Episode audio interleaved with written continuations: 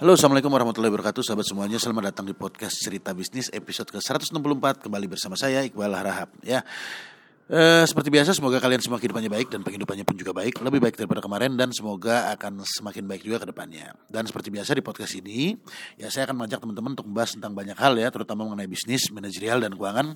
Yang akan saya bahas dari sudut pandang saya pribadi ya dari pengalaman saya pribadi dari cerita saya pribadi sebagai seorang pelaku bisnis dan praktisi investasi sejak tahun 2006 harapannya apa? Supaya eh, teman-teman mendengar yang mungkin ada keinginan untuk menjadi pengusaha atau bagi teman-teman yang sudah menjadi pengusaha dan juga untuk teman-teman yang memiliki profesi profesi yang lainnya. Nah, barangkali setelah mendengarkan podcast cerita bisnis kali ini, teman-teman bisa mendapatkan insight-insight yang berbeda.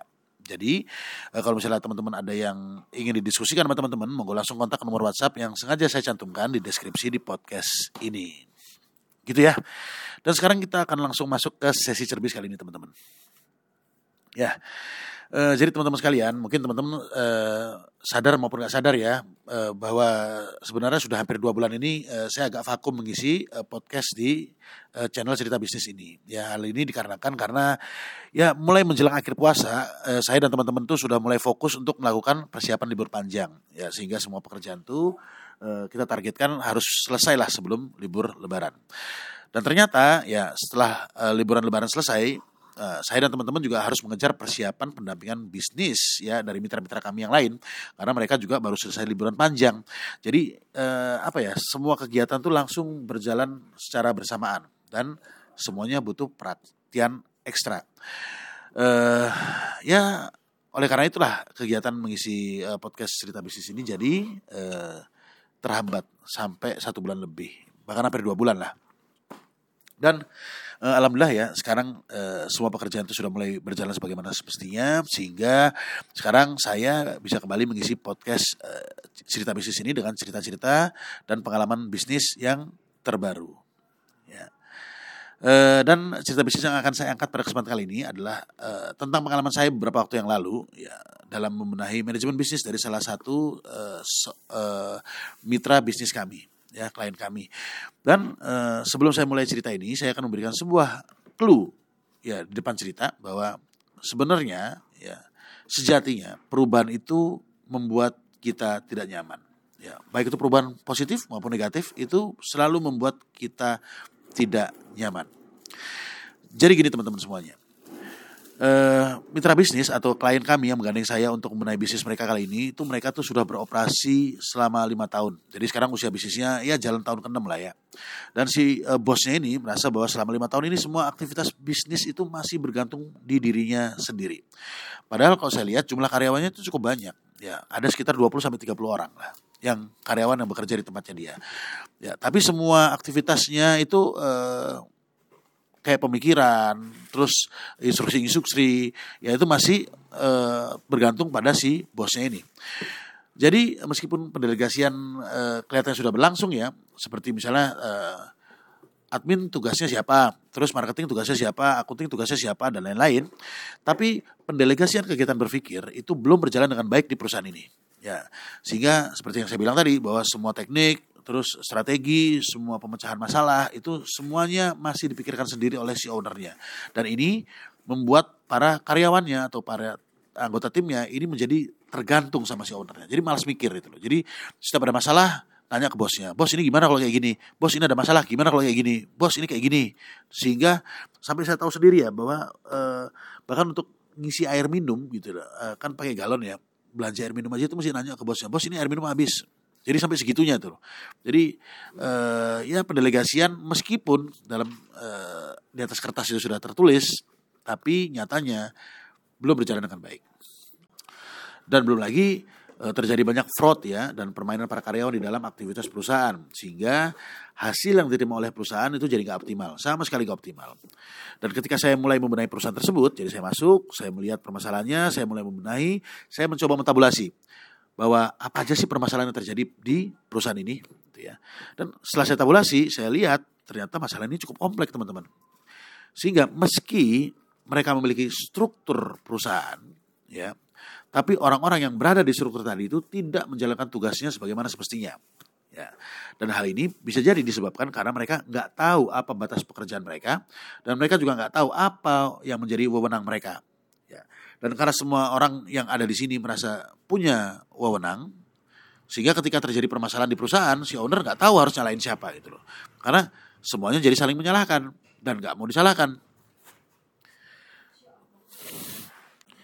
Nah, tahapan pertama yang saya lakukan adalah tentang meluruskan eh, job desknya tim.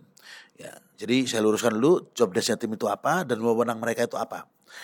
Uh, sehingga saya minta tolong sama si owner untuk uh, menuliskan ya semua aktivitas yang ada di dalam perusahaannya itu secara lengkap dari hulu ke hilir. Ya. Bahkan sampai pekerjaan yang remeh sekalian pun itu harus ditulis lengkap.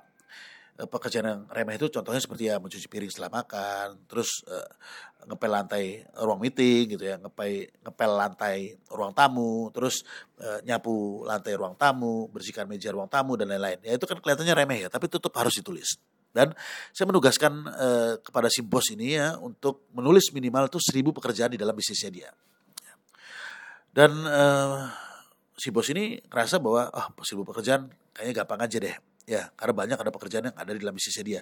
Nah, tapi ya meski menulis minimal seribu pekerjaan ini terlihat simpel dan mudah, tapi kayaknya nggak kayak gitu juga, nggak mudah-mudah banget ya. Karena apa? Karena saya sendiri juga melakukan hal yang sama di bisnis saya di bantubisnismu.com ya.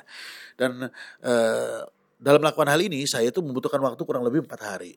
Ya artinya nggak empat hari itu saya full ya saya forsir untuk bisa mengisi seribu pekerjaan itu enggak jadi saya eh, pilah-pilah jadi ketika uh, saya nggak jenuh, saya ada waktu, saya cari 200 pekerjaan, saya tulis, terus saya mengerjakan yang lain lagi. Nanti kalau misalnya pas saya senggang lagi, saya uh, garap lagi 200 pekerjaan lagi, terus gitu sampai terkumpul 1000 pekerjaan. Dan itu membutuhkan waktu kurang lebih 4 hari bagi saya. Oke lanjut.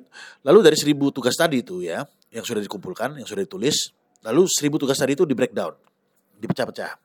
Jadi mana yang termasuk pekerjaan bagian umum, mana yang masuk pekerjaan bagian produksi, mana yang masuk marketing, terus mana yang masuk uh, bagian akunting dan finance dan lain sebagainya. Ya, jadi di breakdown. Nah, setelah di breakdown, setelah itu di breakdown lagi. Jadi sudah di breakdown ya, di breakdown lagi. Mana yang termasuk tugasnya staff, mana yang termasuk tugasnya supervisi, mana yang termasuk tugasnya manajer, dan mana yang termasuk uh, tugasnya direktur, itu dibagi-bagi lagi. Ya, itu. Jadi di breakdown, di breakdown lagi. Nah, tadi itu tugas pertama ya yang saya berikan kepada uh, si bos. Lalu tugas berikutnya adalah menentukan alur tugas di setiap pekerjaan. Ya. Alur tugas itu bedanya apa sama uh, menulis seribu tugas? Jadi gini, kalau seribu tugas itu kan kita mendata aja tugas-tugasnya atau aktivitasnya itu apa aja. Ya, alur tugas itu misal kayak gini, pekerjaannya marketing ya. Marketing ini alurnya gimana? Mulai dari briefing pagi sampai dia pulang kembali. Jadi misalnya kayak gini, pagi itu briefing pagi, Terus habis briefing pagi ada persiapan berangkat. Ya, persiapan berangkat ini ngapain aja? Terus setelah persiapan berangkat, mereka berangkat. Ya, ke lokasi. Terus ngapain aja setelah sampai lokasi? Ya, terus sampai lokasi mau balik. Apa yang harus dilakukan sebelum mereka balik? Dan lain-lain ya, hingga mereka sampai kantor kembali. Itu dibuat alurnya atau dibuat flowchartnya lah. Dan eh, ini juga berlaku untuk semua divisi, bukan cuma buat marketing doang ya. Jadi semua divisi yang mulai produksi, produksi A, produksi B, terus finance, marketing, online maupun offline, ya semuanya dibuat alur e, kegiatannya. Itu yang kedua. Lalu tugas saya selanjutnya adalah merapikan pencatatan keuangan dan membuat perencanaan terukur dari laporan keuangan yang sudah saya susun. Artinya kayak gini, laporan keuangan itu kan pembukuan itu kan ada tiga ya. Jadi uh, ada neraca, laba, laba rugi sama arus kas. Nah ini tiga-tiganya ini harus uh, harus dimiliki sama semua perusahaan, sama sebuah perusahaan ya. Jadi karena kalau banyak perusahaan yang ternyata hanya mencatat itu arus kasnya doang, ya kayak mutasi debit lah itu ya. Jadi ini nggak nggak begitu bagus. Kenapa? Karena perusahaan tuh membaca laporan keuangan tuh nggak komprehensif. Ya mereka melihat bahwa di kas ada duit, Ya misalnya ada 40 juta di kas. Oh seneng. Mereka nggak tahu bahwa 40 juta ini dipakai buat apa. Atau datangnya dari mana. Atau eh, apakah ini sifatnya dari penjualan barang. Atau dari hutang. Kan nggak tahu itu loh ya.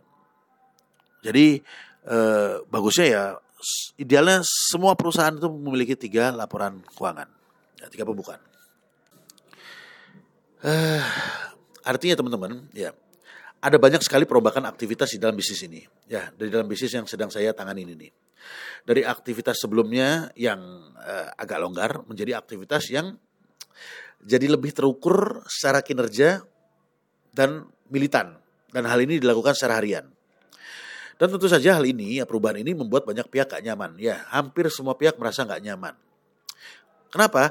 Karena dengan adanya perapian aktivitas ini, ya pekerjaan mereka yang tadinya lebih santai gitu ya, menjadi otomatis jadi lebih banyak dan terukur gitu loh. Jadi mereka nggak bisa terlalu apa ya santai santai-santai lagi ya, uh, seperti yang biasanya mereka lakukan. Karena apa? Karena mereka harus bisa uh, bekerja secara efektif, efisien dan berbiaya rendah. Ya, jadi idealnya kayak gitu teman-teman.